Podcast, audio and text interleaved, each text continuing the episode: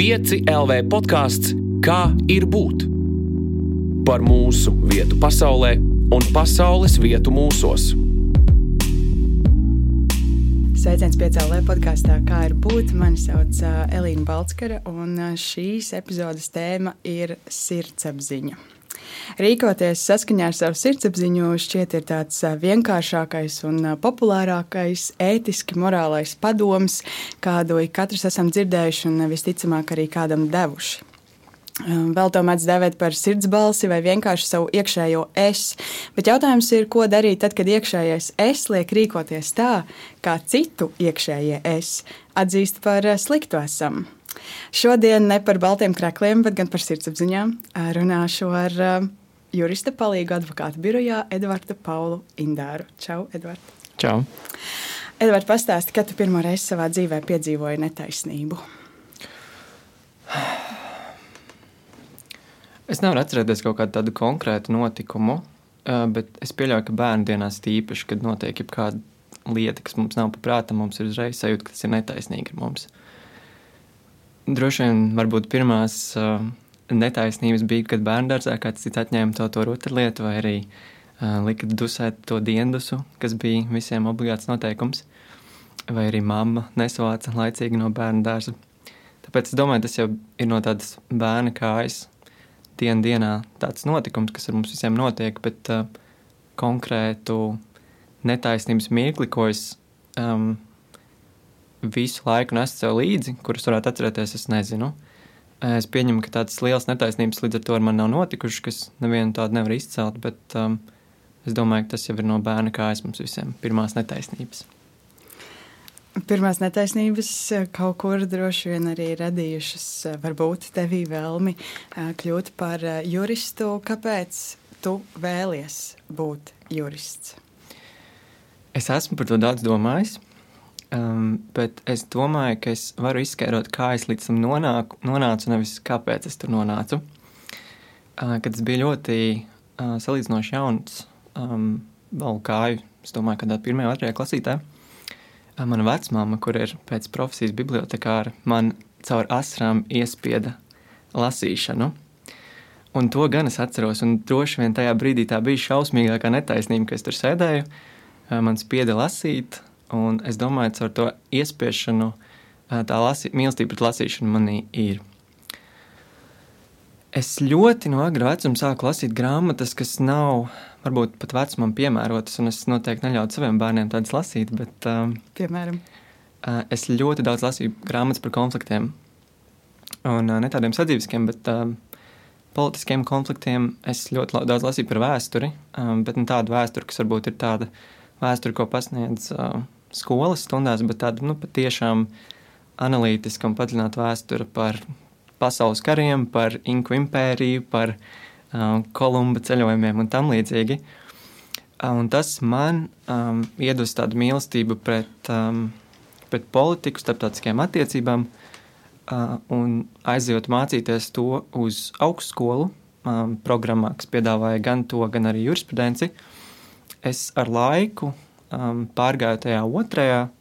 Uh, kāpēc? Tāpēc, ka man šķita, ka tas politikas un starptautisko attiecību lauciņš ir pārāk nekonkrēts.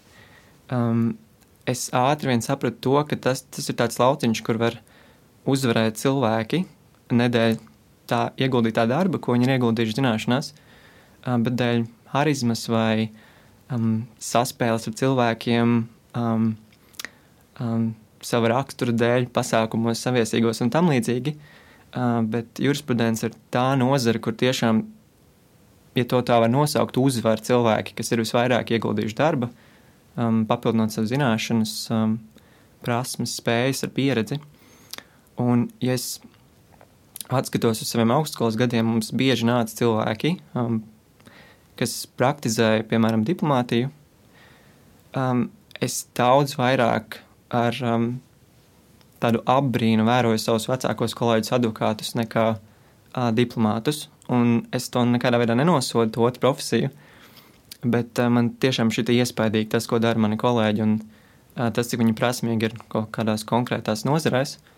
Un es gribēju būt kā viņi, nevis uh, tie diplomāti, kas nāca pie mums uz skolu. tāpēc esmu tur, kur es esmu tagad.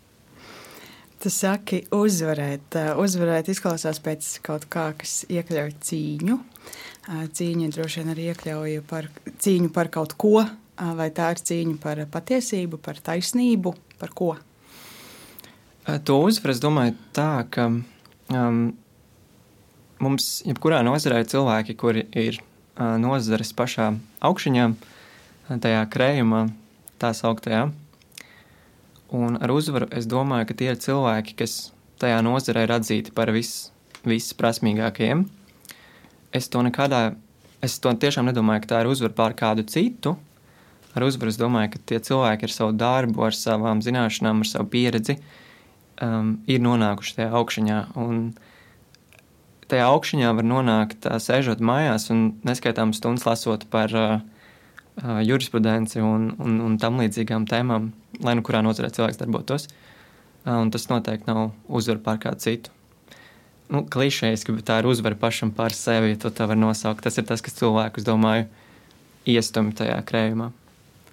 Labi, bet uh, tomēr atgriežoties par uh, cīņu par uh, patiesību vai taisnību, tomēr tava ikdiena ir praktiski arī sastāv no daudz dažādām cīņām. Uh, par ko ir šīs cīņas? Par patiesību. Es domāju, tu saproti, kurš tev vada. um, svarīgi atruna, un juristiem ļoti patīk izteikt atrunas, pirms viņi kaut ko saka. Um, bet ir svarīgi saprast, ka jurisprudencē, gluži kā medicīnā, ir šausmīgi daudz dažādu uh, specializāciju nozaru un, un apakšnozaru. Un, un, uh, to, ko cilvēki ikdienā dara. Ne visi juristi, um, advokāti, lai gan advokāti nedaudz vairāk, bet noteikti ne juristi, visi tiesājas un strīdas ar cilvēkiem. Ir daudz tādu juristi, kur ikdienu pavada darot tieši pretējo, veidojot sadarbības ar cilvēkiem. Ir juristi, kas gan strīdās par līgumiem, gan uzraksta līgumus. Un līdz ar to tā cīņa nevienmēr ir um, nu, tik ļoti jurista ikdiena. Man tā ir, jo tā nozare, kurā es cenšos specializēties, un cerams arī nākotnē būšu, ir saistīta vairāk ar strīdēšanos un, un patiesības meklējumiem. Vai jurista ikdiena ir patiesības meklējumi tajā cīņā um, ne tikai juristu? Es domāju, ka jurists pat, pats par sevi patiesību nevar atrast, jo viņš vienmēr pārstāvēs kādu pusi, ja tas būs strīds. Un patiesībā mēs atrodam tajā saspēlē, kas ir starp vienu pusi, otru pusi, tad kādu neatkarīgo trešo pusi, kas ir vairumā gadījumā tiesa. Un tad visu to spēlētāju saspēles rezultātā mēs nonākam pie patiesības, vai vismaz mēs ceram, ka mēs nonākam pie patiesības, jo dzīvojam mēs tiesiskā valstī. Um, strīdu, tiesvedību mērķis ir atrast patiesību, taisnīgumu. Un gribētos cerēt, ka vairumā gadījumā tas tiešām tā arī ir. Un izņemot kādu no tiem manis nosauktajām pusēm no uh, saspēles, tur patiesība nebūs. Bet um, visu to pušu uh, savstarpējā cīņā tā patiesība beig beigās uzrādās. Saki, ka tev ir jāieņem puses, un, un tas nozīmē, ka tu, principā tev tiek iedota pozīcija, no kuras tev ir jāstrādā, no kuras tev ir jāatcerās. Cik bieži tev nākas strādāt eh, nesaskaņā ar savu sirdsapziņu?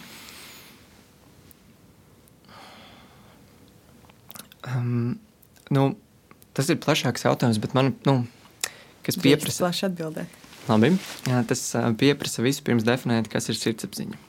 Tas būtu nākamais jautājums. Mēs varam sākt ar to sākumā. Labāk sākam ar to sākumā. Um, manuprāt, sirdsapziņa ir tas um, iekšējais apsūdzētājs, kas mūs apsūdz par um, darbībām, ko mēs paši uzskatām, ka viņas nav labas.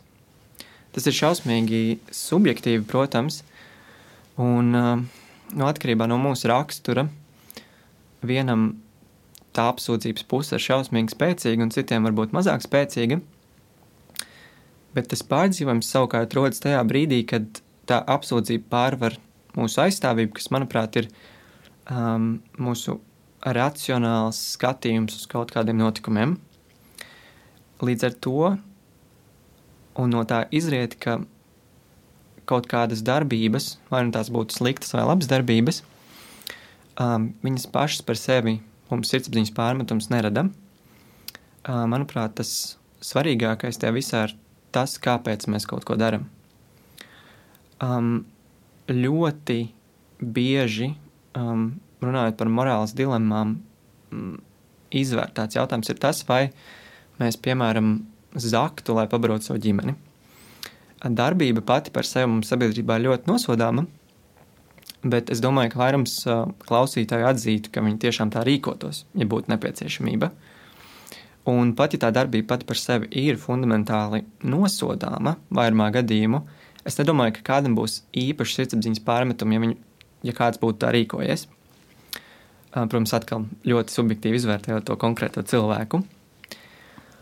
Un līdz ar to atbildot uz to tavu pirmo jautājumu, um, kuram es prasmīgi centos aiziet garām, um, man tādu pārdzīvojumu nav, jo es cenšos racionalizēt to, ko es daru. Um, kurā ikdienas jautājumā, kas, ar ko es jurisprudences ietvaros saskaros, un tas ir jau manis pieminētais um, manis pieminētie meklējumi pēc taisnības, kas, manuprāt, ir um, tas, ko es daru. Un līdz ar to pat, ja es pārstāvu, vai pareizāk teikt, mani kolēģi pārstāv un es viņiem palīdzu aizstāvēt kādu konkrētu pusi, tad galu galā, manuprāt, tā ir cīņa, kas noved pie taisnīga rezultāta. Un, ja mēs neaizstāvētu, kā jau es minēju, ja viens no tiem elementiem tajā saspēlē nebūtu, tad, tad, tad tas taisnīgums netiktu atrasts. Šajā kontekstā visklasiskākais jautājums par to, vai juristam, kā jurists var tā rīkoties, un vai juristiem no sirdsapziņas ir tas, vai kā juristi, um, kādas ir juristu sajūtas aizstāvot slepkavas un cilvēkus, kas patiešām ir pastrādājuši iespējams nu, ļoti nosodāmas darbības. Atkal gluži kā medicīnā, es um, nenodarbojos tajā sfērā, uh, bet arī es tajā sfērā nodarbotos. Es domāju, ka arī tajā gadījumā tā aizstāvība ir nepieciešama. Uh, jo, ja tā aizstāvība neeksistētu, mēs dzīvotu tādā valstī, kur par kaut ko pastrādātu mūs tiesātu, ļoti prasmīgi tiesātu, bet nebūtu neviena, kas mūs aizstāv. Un jurists nekad un arī nedrīkst rīkoties neētiski aizstāvot savus klientus vai cilvēkus, kuriem tiek sniegta juridiskā palīdzība. Un līdz ar to es domāju, ka jurista ikdienā sirdsapziņas pārmetumi vairumā gadījumu neeksistē. Tad tu saki, ka tu līdz šim neesi piedzīvojis, vai tomēr esi piedzīvojis tādu situāciju, kur tev ir jāstrādā ar kādu gadījumu, kas tev iekšēji liekas nepieņemami. Vai tev ir tā bijis? Nesaucot nevienu vārdos. Protams. Protams. Um, es esmu saskāries ar situācijām, kad es skaidri un gaiši redzu, ka um, cilvēks um, nav taisnības pusē. Uh, bet tajā pat, pat, tajā pat laikā to, vai viņš ir taisnības pusē vai nav, var noskaidrot tikai tad, kad strīds ir noslēdzies un kāds ir nospriedis, ka viens vai otrs ir taisnīgs iznākums. Bet, protams, ir bijušas pirmšķietams sajūtas, ka nu, visticamāk šis cilvēks nerīkojas tajos um, to labo mērķu vadīts. Uh, bet atkal tas viss notiek um, to spēles noteikumu ietvaros, ko mēs kā sabiedrība esam uh, noteikuši, ka tie būs tie spēles noteikumi. Un līdz ar to atkal um, to sirds, to to aizstāvības pusi iedarbinot savu iekšējo, es domāju, ka sirdsapziņa pārmetumi īsti nav ikdienā. Bet, bet, bet ir, protams, bieži gadījumi, kad jo vienmēr katrā strīdā jurists vienā pusē aizstāvēs to, kam nav taisnība. Un līdz ar to no statistikas viedokļa man puse darbu ir tādi, ka man būtu jābūt sirdsapziņas pārmetumiem, kuras neesmu taisnības pusē bet tām abām pusēm ir jābūt, manuprāt. Bet kā tev šķiet, kur vispār veidojas tā sirdsapziņa? Jo tu saki, tas ir ļoti subjektīvi, un tas ir mums katram tas atšķirās. Tas droši vien iespējams lielākā mērā atšķiras, ja mēs skatāmies starp kultūrām. kaut kādā varbūt mazākā mērā atšķirās, ja mēs, piemēram, skatāmies nezinu, uz Latvijas iedzīvotājiem. Un joprojām tās atšķirības ir diezgan lielas. Kā tev liekas, kas ir tie būtiskākie elementi, kas dzīves posmā vispār mums māca to sirdsapziņu, mums vispār māca to iekšējo taisnības sajūtu? Nu, daļai laikam, un es neko no tā nesaprotu, ko es tūlīt mēģināšu izskaidrot. Um, bet daļai es domāju, ka tas ir kaut kas, kas mums nāk līdzi no piedzimšanas brīža. Um, ir cilvēki, kas ir vienādos apstākļos uzauguši, bet ir piemēram vairāk laimīgi, mazāk laimīgi. Un no tā izriet arī viss cits um, ar dažādām sirdsapziņas izjūtām, sajūtām un, un visu pārējo. Um, protams, manuprāt, ļoti būtisks ir tas, ko mēs paņemam no saviem vecākiem, un arī tas, ko mēs paņemam no skolotājiem, vienaudžiem, un līdz mēs um, beidzam savu dzīvi, es domāju, visas dzīves laikā mēs kaut ko paņemam arī no citiem, no ārējiem apstākļiem un tam līdzīgi. Um, es domāju, ka sirdsapziņas pārmetumi varbūt visiem ir vienādi, bet ir cilvēki, kas savas darbības izvērtē un uzskata, ka viņiem biežāk ir taisnība. Varbūt tas ir ta, tas iemesls, kāpēc mums ir dažādi uh, dažādi mēs pārdzīvojam par notikumiem, jo ir cilvēki, kas um, var nodarīt kādam pāri, un es domāju, racionalizēt to tā, ka viņiem ir taisnība, un līdz ar to sirdsapziņas pārmetumi tādam cilvēkam nav. Um, bet ir cilvēks, kas varbūt pastrādās to pašu un pārdzīvos līdz dienas beigām, uh, līdz savu mūža beigām par to, ko viņš ir nodarījis. Un tas savukārt ir jā, um, kaut kas, ko mēs aizgūstam dzīves laikā, manuprāt, to, vai konkrēta darbība ir vērta sirdsapziņas pārmetumu. Um, bet es domāju, ja mēs vienādi izvērtētu visus notikumus, tie sirdsapziņas pārdzīvumi būtu daudz maz līdzīgi visiem. Tāpēc es domāju, tas ir jāskata no tāda kon konkrēta pārdarījuma un notikuma uh, puses. Labi. Es pieļauju, ka šī saruna būs ar maz tādām asām un konkrētām atbildēm, jo es saprotu, kāds ir tavs darbs ikdienā. Bet domājot tieši par ikdienu, tad, kad tev kāds saka, ārpus darba, dari kā tev saka sirdsapziņa. Un tas ir tāds teiciens, ko mēs lietojam ne tikai um, jau postfaktum, tad, kad mēs esam kaut ko izdarījuši, tad mums ir sirdsapziņas pārmetumi, par kuriem tur runā, bet nereti mēs esam kaut kādu izvēļu priekšā, un tad ir šī frāze, ko cilvēki saka, dari kā tev liek darīt sirdsapziņa. Kā tev liekas, kas, kas ir tas, pēc kā mēs vadāmies tajos brīžos?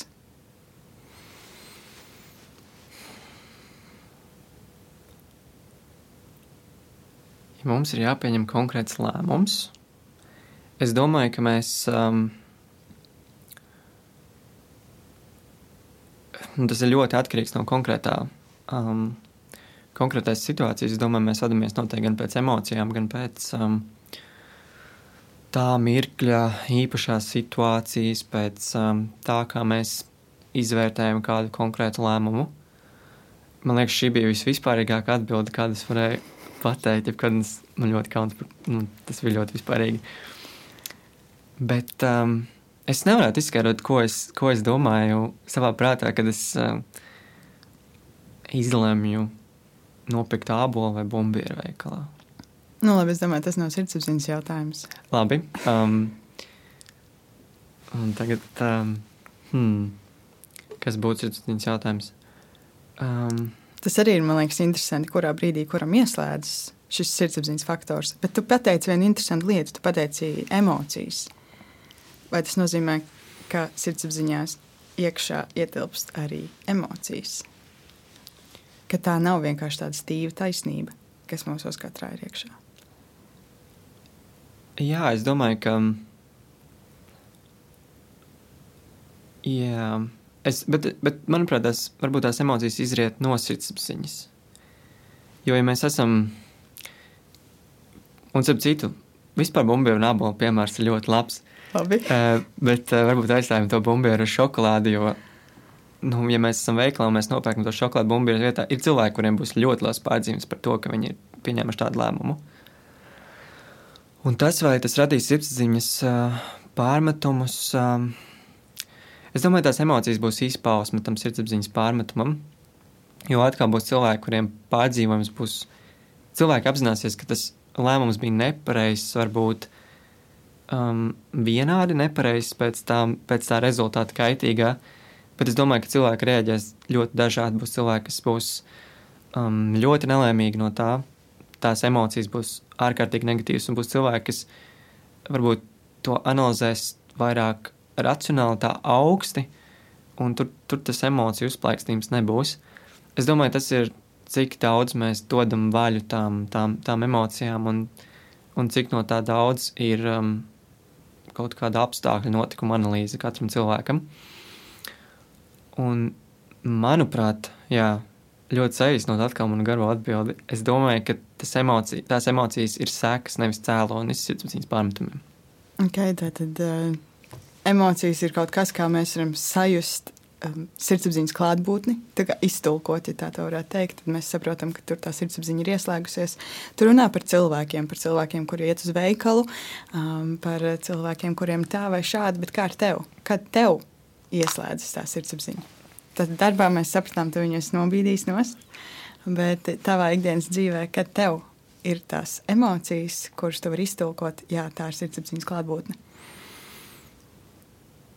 Nu, laikam viss um, viskaļākie notikumi ir tie, kur mēs, nevis mēs, bet es, uh mhm. -huh. apzinos, ka esmu nodarījis pāri kādam citam. Tas, manuprāt, ir kaut kas, kas iet līdzi ilgāku laika posmu. Ja mēs tiešām saprotam, ka mūsu kaut kāda rīcība bijusi ir pat nav svarīgi, pareizi vai nepareizi, bet kādam citam no tā sāp, manuprāt, tas ir vislielākais, vismaz sirdsapziņas pārdzīvojums, kādu es esmu piedzīvojis. Um, ir arī tā otrs tas, tas, tas izdeviņas pārmetums, ko mēs jūtam, kad mēs nodaram pāri paši sev.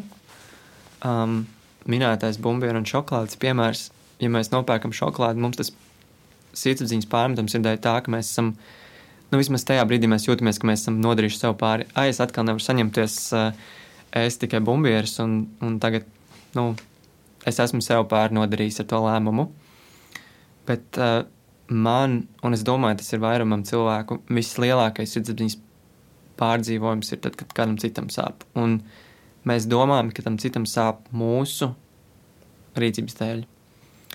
Un arī gadījumos, kad mēs kādam varbūt nepalīdzam, kuram mēs varējām palīdzēt, arī tad, jo sodām ir gan rīcība, gan bezdarbība.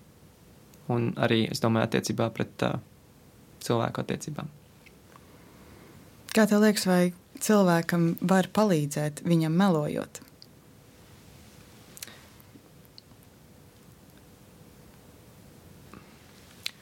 Es domāju, ka tas, es, man, tā, man, tas, um, man tas uzskats ir arī tas pats, kas jau no minētā maizes piemēra. Manuprāt, um, viss ir atkarīgs no tā, kāds ir to melu mērķis. Un es domāju, ka ir reizes, kad mēs varam samaloties vai arī uh, kaut ko nepateikt, un tāda rīcība vai, vai bezdarbība cilvēkam tam otram palīdz. Um, jā, līdz ar to es domāju, ka baltie meli ir attaisnojumi, un, un, un arī es nevaru iedomāties konkrētus gadījumus, bet arī visticamāk arī, ka tie dažreiz var palīdzēt kādam. Līdz ar to tie nav tikai mūsu uh, paglāpšanās mehānisms, kaut kas tāds. Es domāju, ka. Jā. Kad tu pēdējo reizi esi apzināti izmantojis uh, baltos melus? Šodien. Es aizsūtīju Valentīna dienas apsveikumu savam kolēģim, un viņš klausīsies šo raidījumu visticamāk. Un viņš sapratīs, ka tas anonīmais um, apsveicējs nebūs kāda, nezinu, kolēģa, bet tas būs es. Un līdz ar to tas ir anonīmi. anonīmi. Bet es domāju, ka līdz šim raidījumam viņam nu, vismaz tajā brīdī būs uzlabota diena. Un, tas, un es domāju, ka tas ir, um, tie ir sava veida meli, bet um, es domāju, ka tie ir tā uzlabot cilvēkam ikdienu. Nu, labi, tas jau ir tāds pārsteigums, ko, kas iekļauj, es domāju, kaut kādu noklusēšanu, nu, noklusēšanas faktoru, vai ne? Pārsteigumā tas ir iekšā. Bet, uh, kad tu varbūt pēdējo reizi esi kaut kādā veidā apzināti manipulējis, ja tā var saukt, pats ar sevi. Varbūt. Mēs, mēs nereti melojam, mānam arī paši sevi. To mēs gan biežāk ieraugam droši vien ar laika distanci.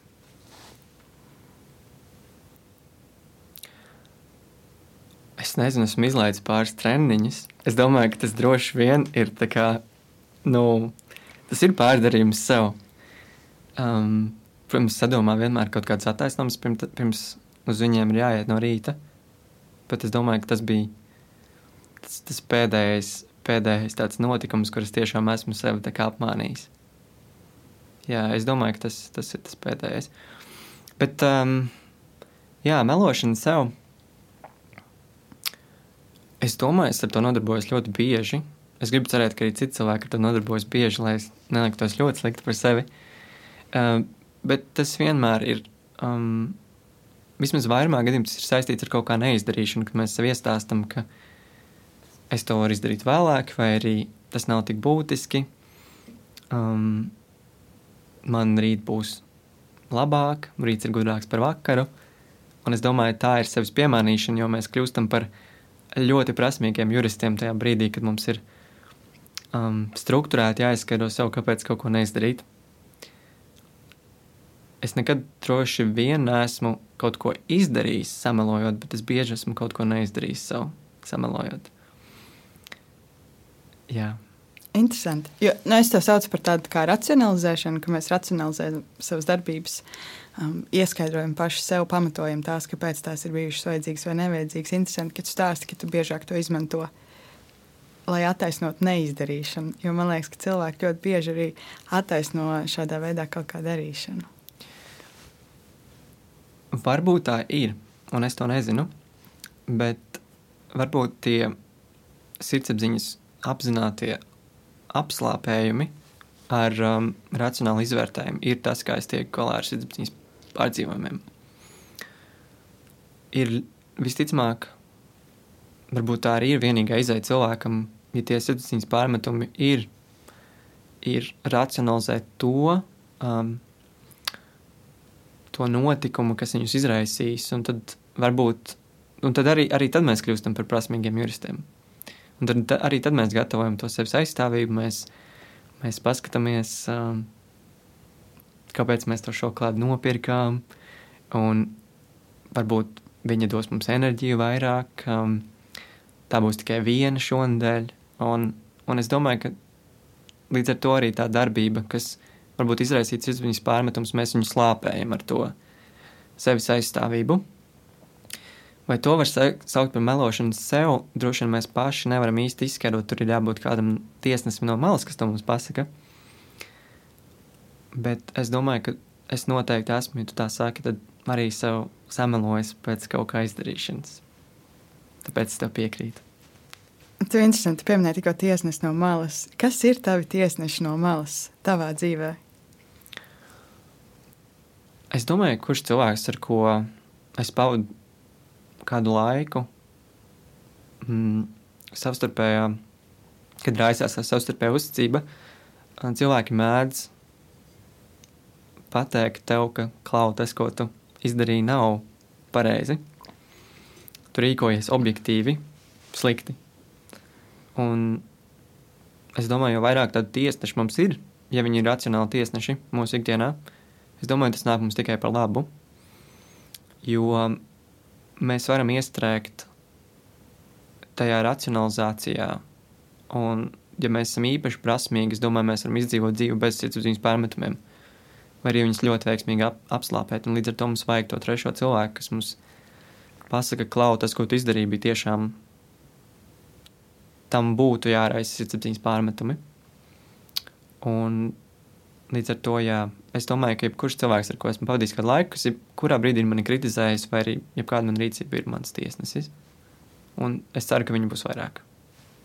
Tajā pašā laikā es domāju, daudzi sacītu, ka nu, ir tādi tiesneši, kur vienkārši dzīvē nav vajadzīgi. Mēs paši reizēm esam baigi tiesneši, kas vienkārši esam pārāk, es nezinu, akli un neapskatāmies visu to lietu sagatavoto. Un not, nu, notiesājam sevi pirms laika, nosodām sevi par lietām, par kurām mums varbūt sevi nevajadzētu nosodīt. Un, un paši pret sevi, un tajā pašā laikā mums arī apkārt, es domāju, ir cilvēki, kuri mūs nepamatoti tiesā nereti, un tie cilvēki, kuri ir jūtīgāki pret šādiem nosodījumiem, um, var to satvert tā ļoti jūtīgi. Um, kā izvērtēt, kurš tiesnesis ir labs? Kurā klausīties? Es baidos, ka mēs to varam arī nekad neuzzināt. Um, mēs varam nodzīvot savu dzīvi, um, uzņemot tos spriedumus par sevi un nekad arī nenoskaidrot objektīvu patiesību. Un es arī domāju, ka neviens pilnībā objektīvu uh, taisnību vai, vai, vai no spriedumiem par sevi nenodzīvos. Kā to problēmu mazināt? Es domāju, ka tas ir um, pirmkārt sevi ieskaut tādos cilvēkos, kas paši pēc būtības ir labāki cilvēki. Un es domāju, ka līdz ar to arī viņu spriedumi par mums būs, būs um, objektīvāki. Jo es domāju, ka cilvēkiem, kuri mums tiešām rūp, mēs nekad, um, mēs nekad viņus necenšamies, vai arī pat apzināti um, nenosodām neobjektīvi. Es domāju, ka viss. Um, visobjektīvākā un visvajadzīgākā um, tiesāšana mums ir no tuvākiem cilvēkiem, kas tiešām vēlas, lai mēs kaut ko darītu labāk un lai mums izdotos. Un otrs, līdz ar to, lai novērstu to, ka arī labi cilvēki kļūdās, es domāju, mums ir jāieskaisa ar vairākiem tādiem labiem tiesnešiem. Jo arī katrs mēs kritizējam viens otru pēc savas kaut kādas visnotaļ šauras izpratnes par to, kā lietām būtu jābūt. Bet, ja mums ir vairāki labi um, tiesātāji apkārt ikdienā, kuri ir taisnīgi un, un cenšas ar to tiesāšanu mums palīdzēt, tad ļoti labi. Un mums ir jābūt un tās to tiesāšanu un vispār viss būtu jādara tādu cilvēcīgu sirsnību.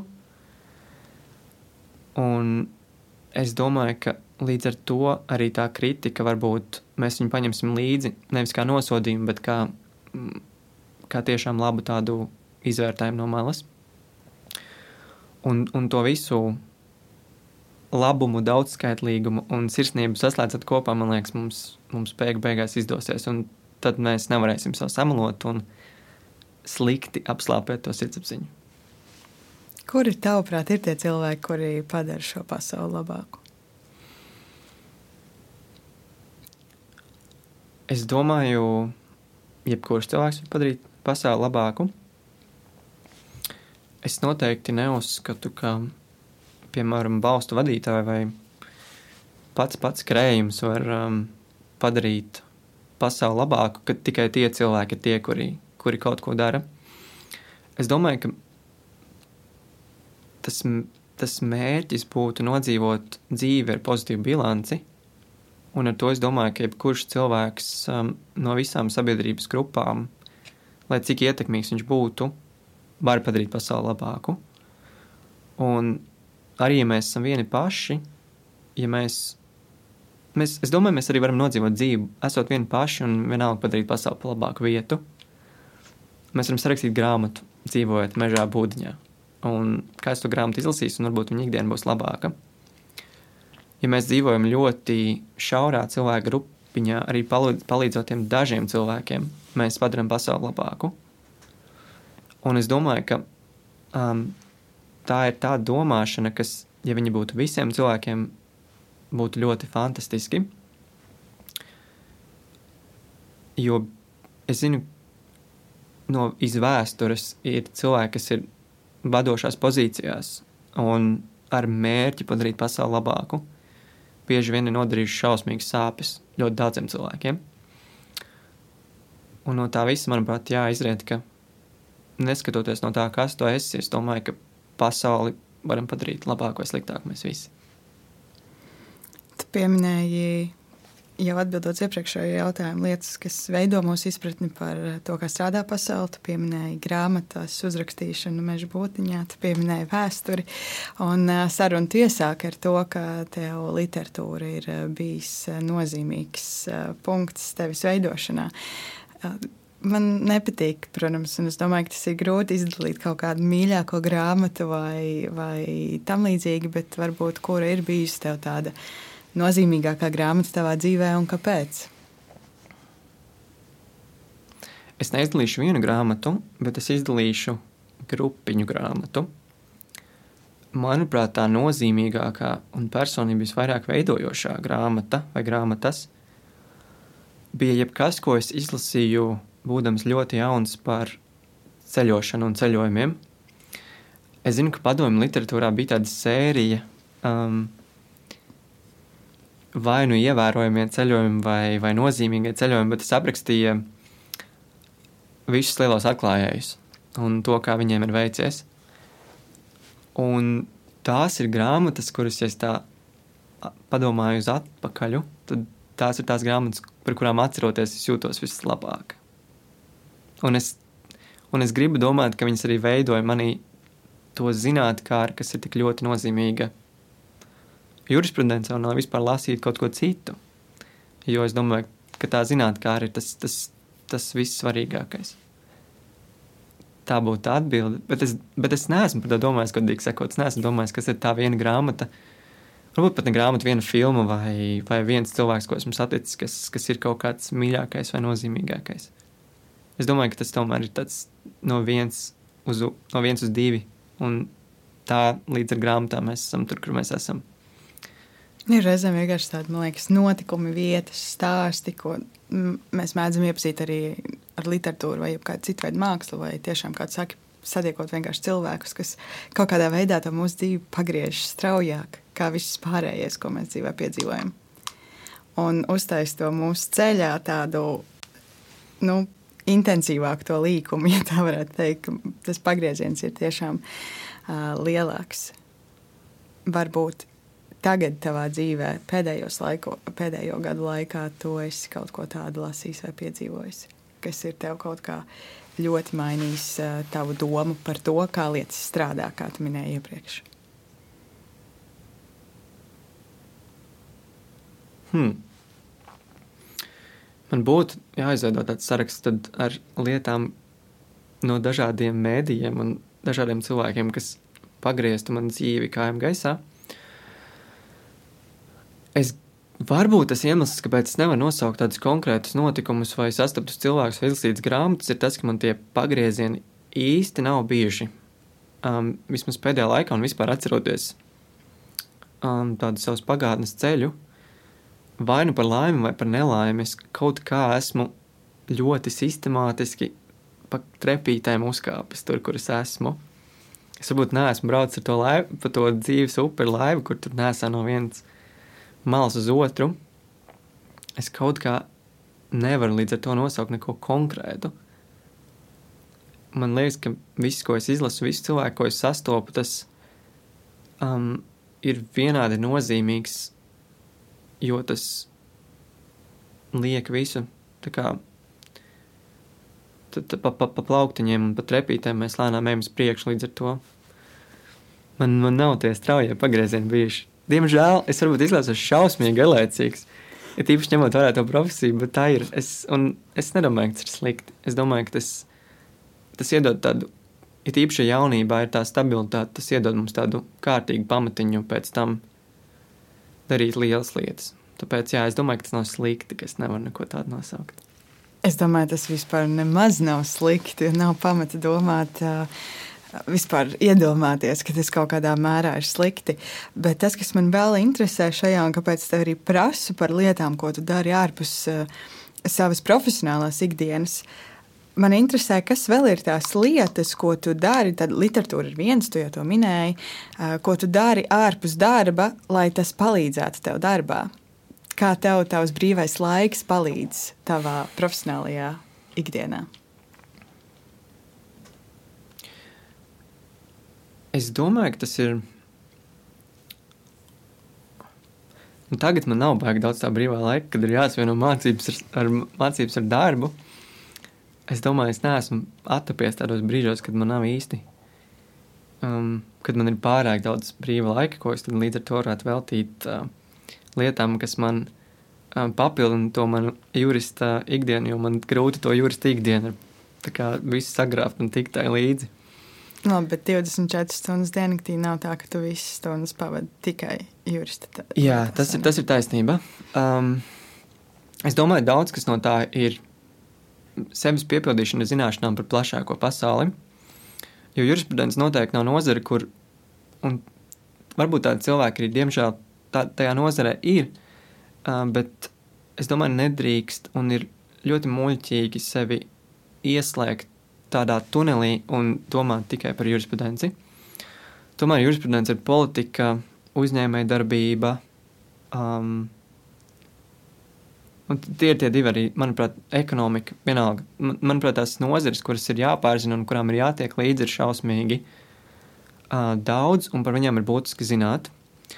Līdz ar to, ja es nosauktu to, ko es visvairāk daru savā brīvajā laikā, tas laikam ir zināšanu papildināšanu par tām citām lietām, kas nav jurisprudence. Nu, nav svarīgi, vai nu tu um, pēti kaut ko par um, nezinu, finanšu institūcijām vai par uh, konfliktu Ukrajinā. Tas viss ir kaut kas, ar ko tev nāksies un par ko tev būs jāzina, ja tu būsi jurists. Um, līdz ar to tas laikam ir tas galvenais, un tas ietver grāmatu lasīšanu par kosmosa izpēti un klausīšanos par farmācijas nozari podkāstā, braucot uz darbu. Manuprāt, jā, tas ir tas galvenais, kā es, kā es cenšos aizpildīt to laiku, kad man viņš ir, ir zināt par to, kas notiek pasaulē. Varbūt es to tā varētu nodefinēt. Labi, bet neatpūties, neklausies podkāstus par jokiem vai nelasi grāmatas vienkārši tāpat prieka pēc. Lasu, Jā, es, es, es, es kādu brīdi biju to pazaudējis, ka bija ļoti slikti ar laiku. Um, bet es tagad esmu atsācis, un es to tiešām gribu darīt, un vairāk lasīt tā literatūru un, un, un klausīties. Uh, um, un darīt lietas, kas varbūt nav tikai informācijas uzsūkšana, jo tas, manuprāt, ir no cilvēkam pilnvērtīgam ļoti nepieciešams, lai dotos tālāk dzīvē. Nu, nedrīkst palikt par pilnīgi sausiņu, un tas, tas būtu briesmīgi. Um, līdz ar to, jā, es cenšos arī aizpildīt to laiku kaut kā. Pēdējā laikā ir vairāk sanācis ar um, patīkamākām lietām, kas varbūt nav tik šausmīgi tehnis, tehniskas un, un nav fakti, jo ar faktiem, manuprāt, nepietiek. Bet arī tas ir jādara ārpus, ārpus darba un ārpus akadēmiskām mācībām. Un tas, kas mums atliek, to mēs varam pavadīt uh, klausoties mūziku, vai lasot romānus, vai, vai darot kaut ko, kas nav faktu uzsūkšana. Jā, es cenšos. Informāciju vajag ne tikai uzsūkt, vajag arī apstrādāt, vai ne? Arī tam ir jāvēl laiks. Jā, uh, es gribu cerēt, ka mēs to darām miega laikā. Es ļoti ceru, ka tā ir. Um, varbūt tas ir viens iemesls, kāpēc man neturās tās domas galvā varbūt tam ir jāvelta īpašs laiks uh, ikdienā. Bet jā, es, es gribu domāt, ka mēs to darām guļot. Tieši tāpēc man arī pat, man nevis patīk tā doma, bet man simpatizē tā doma, ka tas, ja mēs nevaram aizmigt, ir iemesls, ka iemesls tam, kāpēc mēs nevaram aizmigt, ir tas, ka mēs ikdienā esam veiksmīgi neatvēlējuši laiku, lai padomātu. Un, ja es tā padomāju, tad tiešām pirms ir naktis, kad ir bijusi ļoti intensīva diena un nesanāk aiziet laicīgi gulēt. Un tad man ļoti patīk tā nodarbe, ka tu guli gultā un tu domā, un tu apdomā visas lietas, kas tev skrien cauri galvai šausmīgi daudz. Varbūt tā ir mediācija, es nezinu, bet es domāju, ka ir jāatvēl laiks domāšanai. Mēs citādi nevaram funkcionēt, mums piespiež to darīt. Jā, neļaušana aiziet gulēt, mums to piespiež darīt. Man liekas, tas ir pirmais cilvēks, ko es savā dzīvē satieku, kurš eh, saka, ka viņam patīk tas brīdis, kad tu apgulies un tev cauri galvai šaujas simts un viena doma, un tu vienkārši nespēji iemigt. Jo man liekas, ka daudziem tas ir tāds brīdis, no kur viņi nedaudz baidās. Es neredzu no katra baidīties. Manuprāt, tas ir cilvēka eksistences ļoti svarīgs brīdis.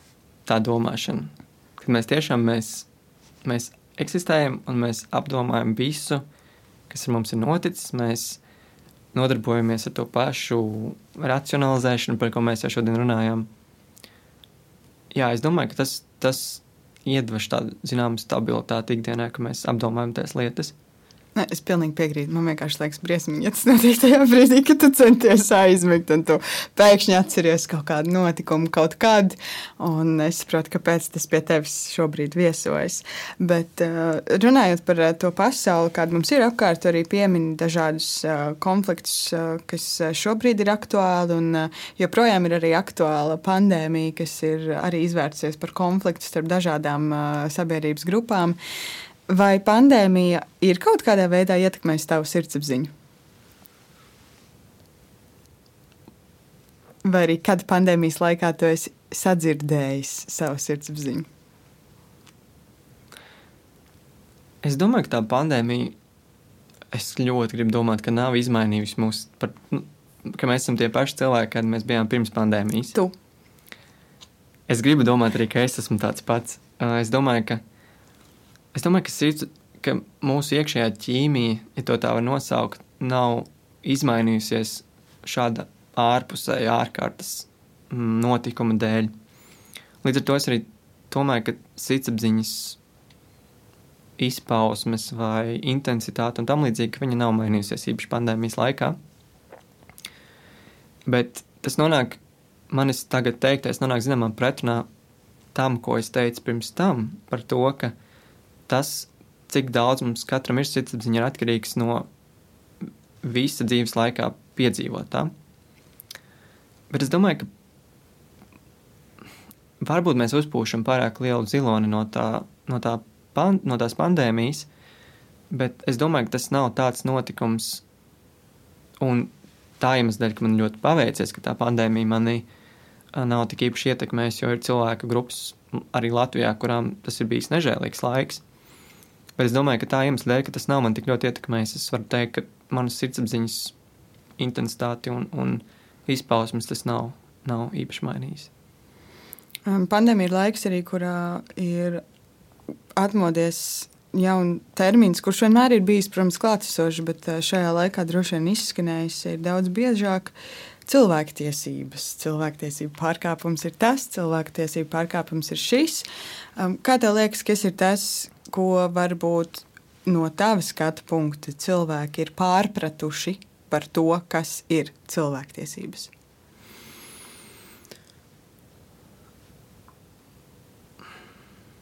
Manuprāt, galvenais, ko cilvēki nesaprot par cilvēktiesībām, ir tas, ka mūsu individuālās cilvēktiesības un mūsu kaut kāda rīcība vienmēr ir jāliek, tai ir pretī jāliek visas sabiedrības intereses. Un nav jāsaprot to tā, ka sabiedrība būtu valsts, valdība vai saima vai tam līdzīgi. Tie arī ir citi cilvēki. Un līdz ar to, ja mums ir piešķirtas kaut kādas brīvības, mēs tās brīvības varam izmantot tikai tik tālu, cik tā tas neaizskar citu cilvēku brīvības. Es neiešu detaļās, jo tas um, īpaši pandēmijas laikā kaut kas kaut kāds atsevišķu tiesību izvērtējums, tas, tas kļūst arī par diezgan juridiski sarežģītu jautājumu. Es neesmu kompetents par, par tiem runāt, godīgi sakot. Bet jā, visbiežāk mēs arī ļoti vienkāršojam savas tiesības, jo cilvēki mēdz izlasīt, ka man ir atļauts tas, un uztvert to tā, ka viss šeit ir uzrakstīts, kas to var darīt. Man neviens nedrīkst aizliegt to darīt, jo man piešķirtas cilvēku tiesības. Un bieži vien arī trūkst tās empātijas izpratnes, jo mēs neaizdomājamies, ka tas, ka es izmantošu šo brīvību, šo tiesību, kas man piešķirta kā cilvēkam, ka tas neaizskars nevienu citu, un mēs vispār neaizdomājamies par citiem cilvēkiem.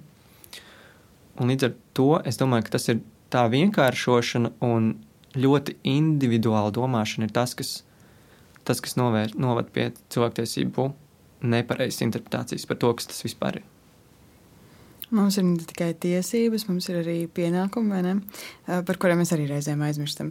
Kā tev liekas, kas varbūt ir tie cilvēki pienākumi, ja tā var teikt, kas varbūt nav ierakstīti normatīvos likumos un visur citur, bet kas būtu mums kā cilvēkiem jāievēro? vienkārši cilvēcīgi, kādi būtu mūsu pienākumi, lai šī pasaule kļūtu par labāku vietu, kur dzīvot. Nu, tad mēs sākam runāt par ētikas normām, jo, jo nav jau tā, ka cilvēks var, ierakst, var ievērot visas rakstītās un arī nerakstītās tiesību normas un uzskatīt, ka viņš ir labs cilvēks. Un es domāju, ka to ir svarīgi saprast, tur mums dzīvē ienāk ētikas normas un tas, ko tas cilvēcīgais, kas tas, tas sabiedrības, kurā mēs dzīvojam, pieņemtais par to, kā mēs visi kopā sadzīvojam un arī kā mēs individuāli rīkojamies. Un nodefinēt tādu konkrētu uzskaitījumu, lai gan es atkal cenšos izvairīties no jautājuma, es domāju, ka nav iespējams. Tas atkal ir cilvēcīgi no tevis, ko tu gribētu, kād, kādus cilvēkus tu gribētu redzēt vairāk apkārt? Ar kādām šīm ētiskajām normām vai cilvēku pienākumiem, ja mēs tās tos varam saukt? Nu, tas, kā es cenšos dzīvot savu dzīvi, un tas viens cilvēku pienākums, kuram es arī nevaru atrast tulkojumu, varbūt tu man vari palīdzēt, ir tas, ka mums ikdienā ir jāsoļotai cauri vienmēr būt vienmēr darot visu ar ļoti lielu kindness. Um, varbūt tas ir cilvēcīgs siltums, varbūt tas ir um, varbūt tā ir rūpība pret citiem. Bet es domāju, ka ja mēs neko dzīvē nesasniedzam, un varbūt esam tādi mazas, neievērojamas radībiņas, bet ja mēs esam patiešām labi pret citiem apkārtējiem, es domāju, tas ir augstākais dzīves sasniegums.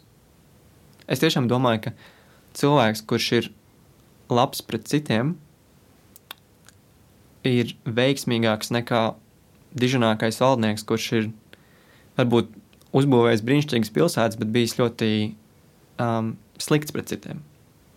Un es domāju, ka tas, tas labums ir, ir pats galvenais, pati galvenā etikas norma.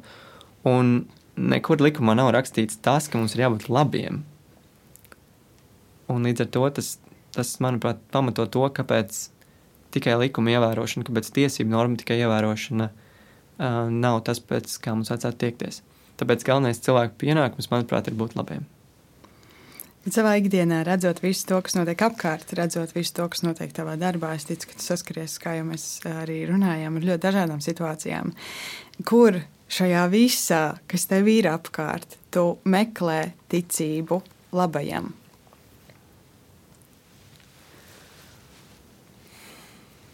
Kā tu to saglabā un uztur dzīvu? Es gribu domāt, ka mēs varam darīt absolūti visu, bet labi, bet izturoties labi un esot labi. Un es nezinu, vai labi ir veiksmīgākais. Um, diezgan bērnišķīgs tāds apzīmējums tam visam, bet tas ir labākais, ko šobrīd var izdomāt. Es domāju, ka esot vis, varbūt strīdos ar visaugstākajām likmēm un š, drausmīgi apjomīgās tiesvedībās vai, vai, vai mazos uh, konfliktos ikdienā, mēs to visu varam uh, cilvēcīgi atrisināt un tur cilvēcīgi darboties. Advokāti ir sastarpēji tiesāties par miljoniem un, un simtiem miljonu, bet uh, saglabāt to, to cilvēcību un ievērot to cilvēku pienākumu, par ko mēs runājam.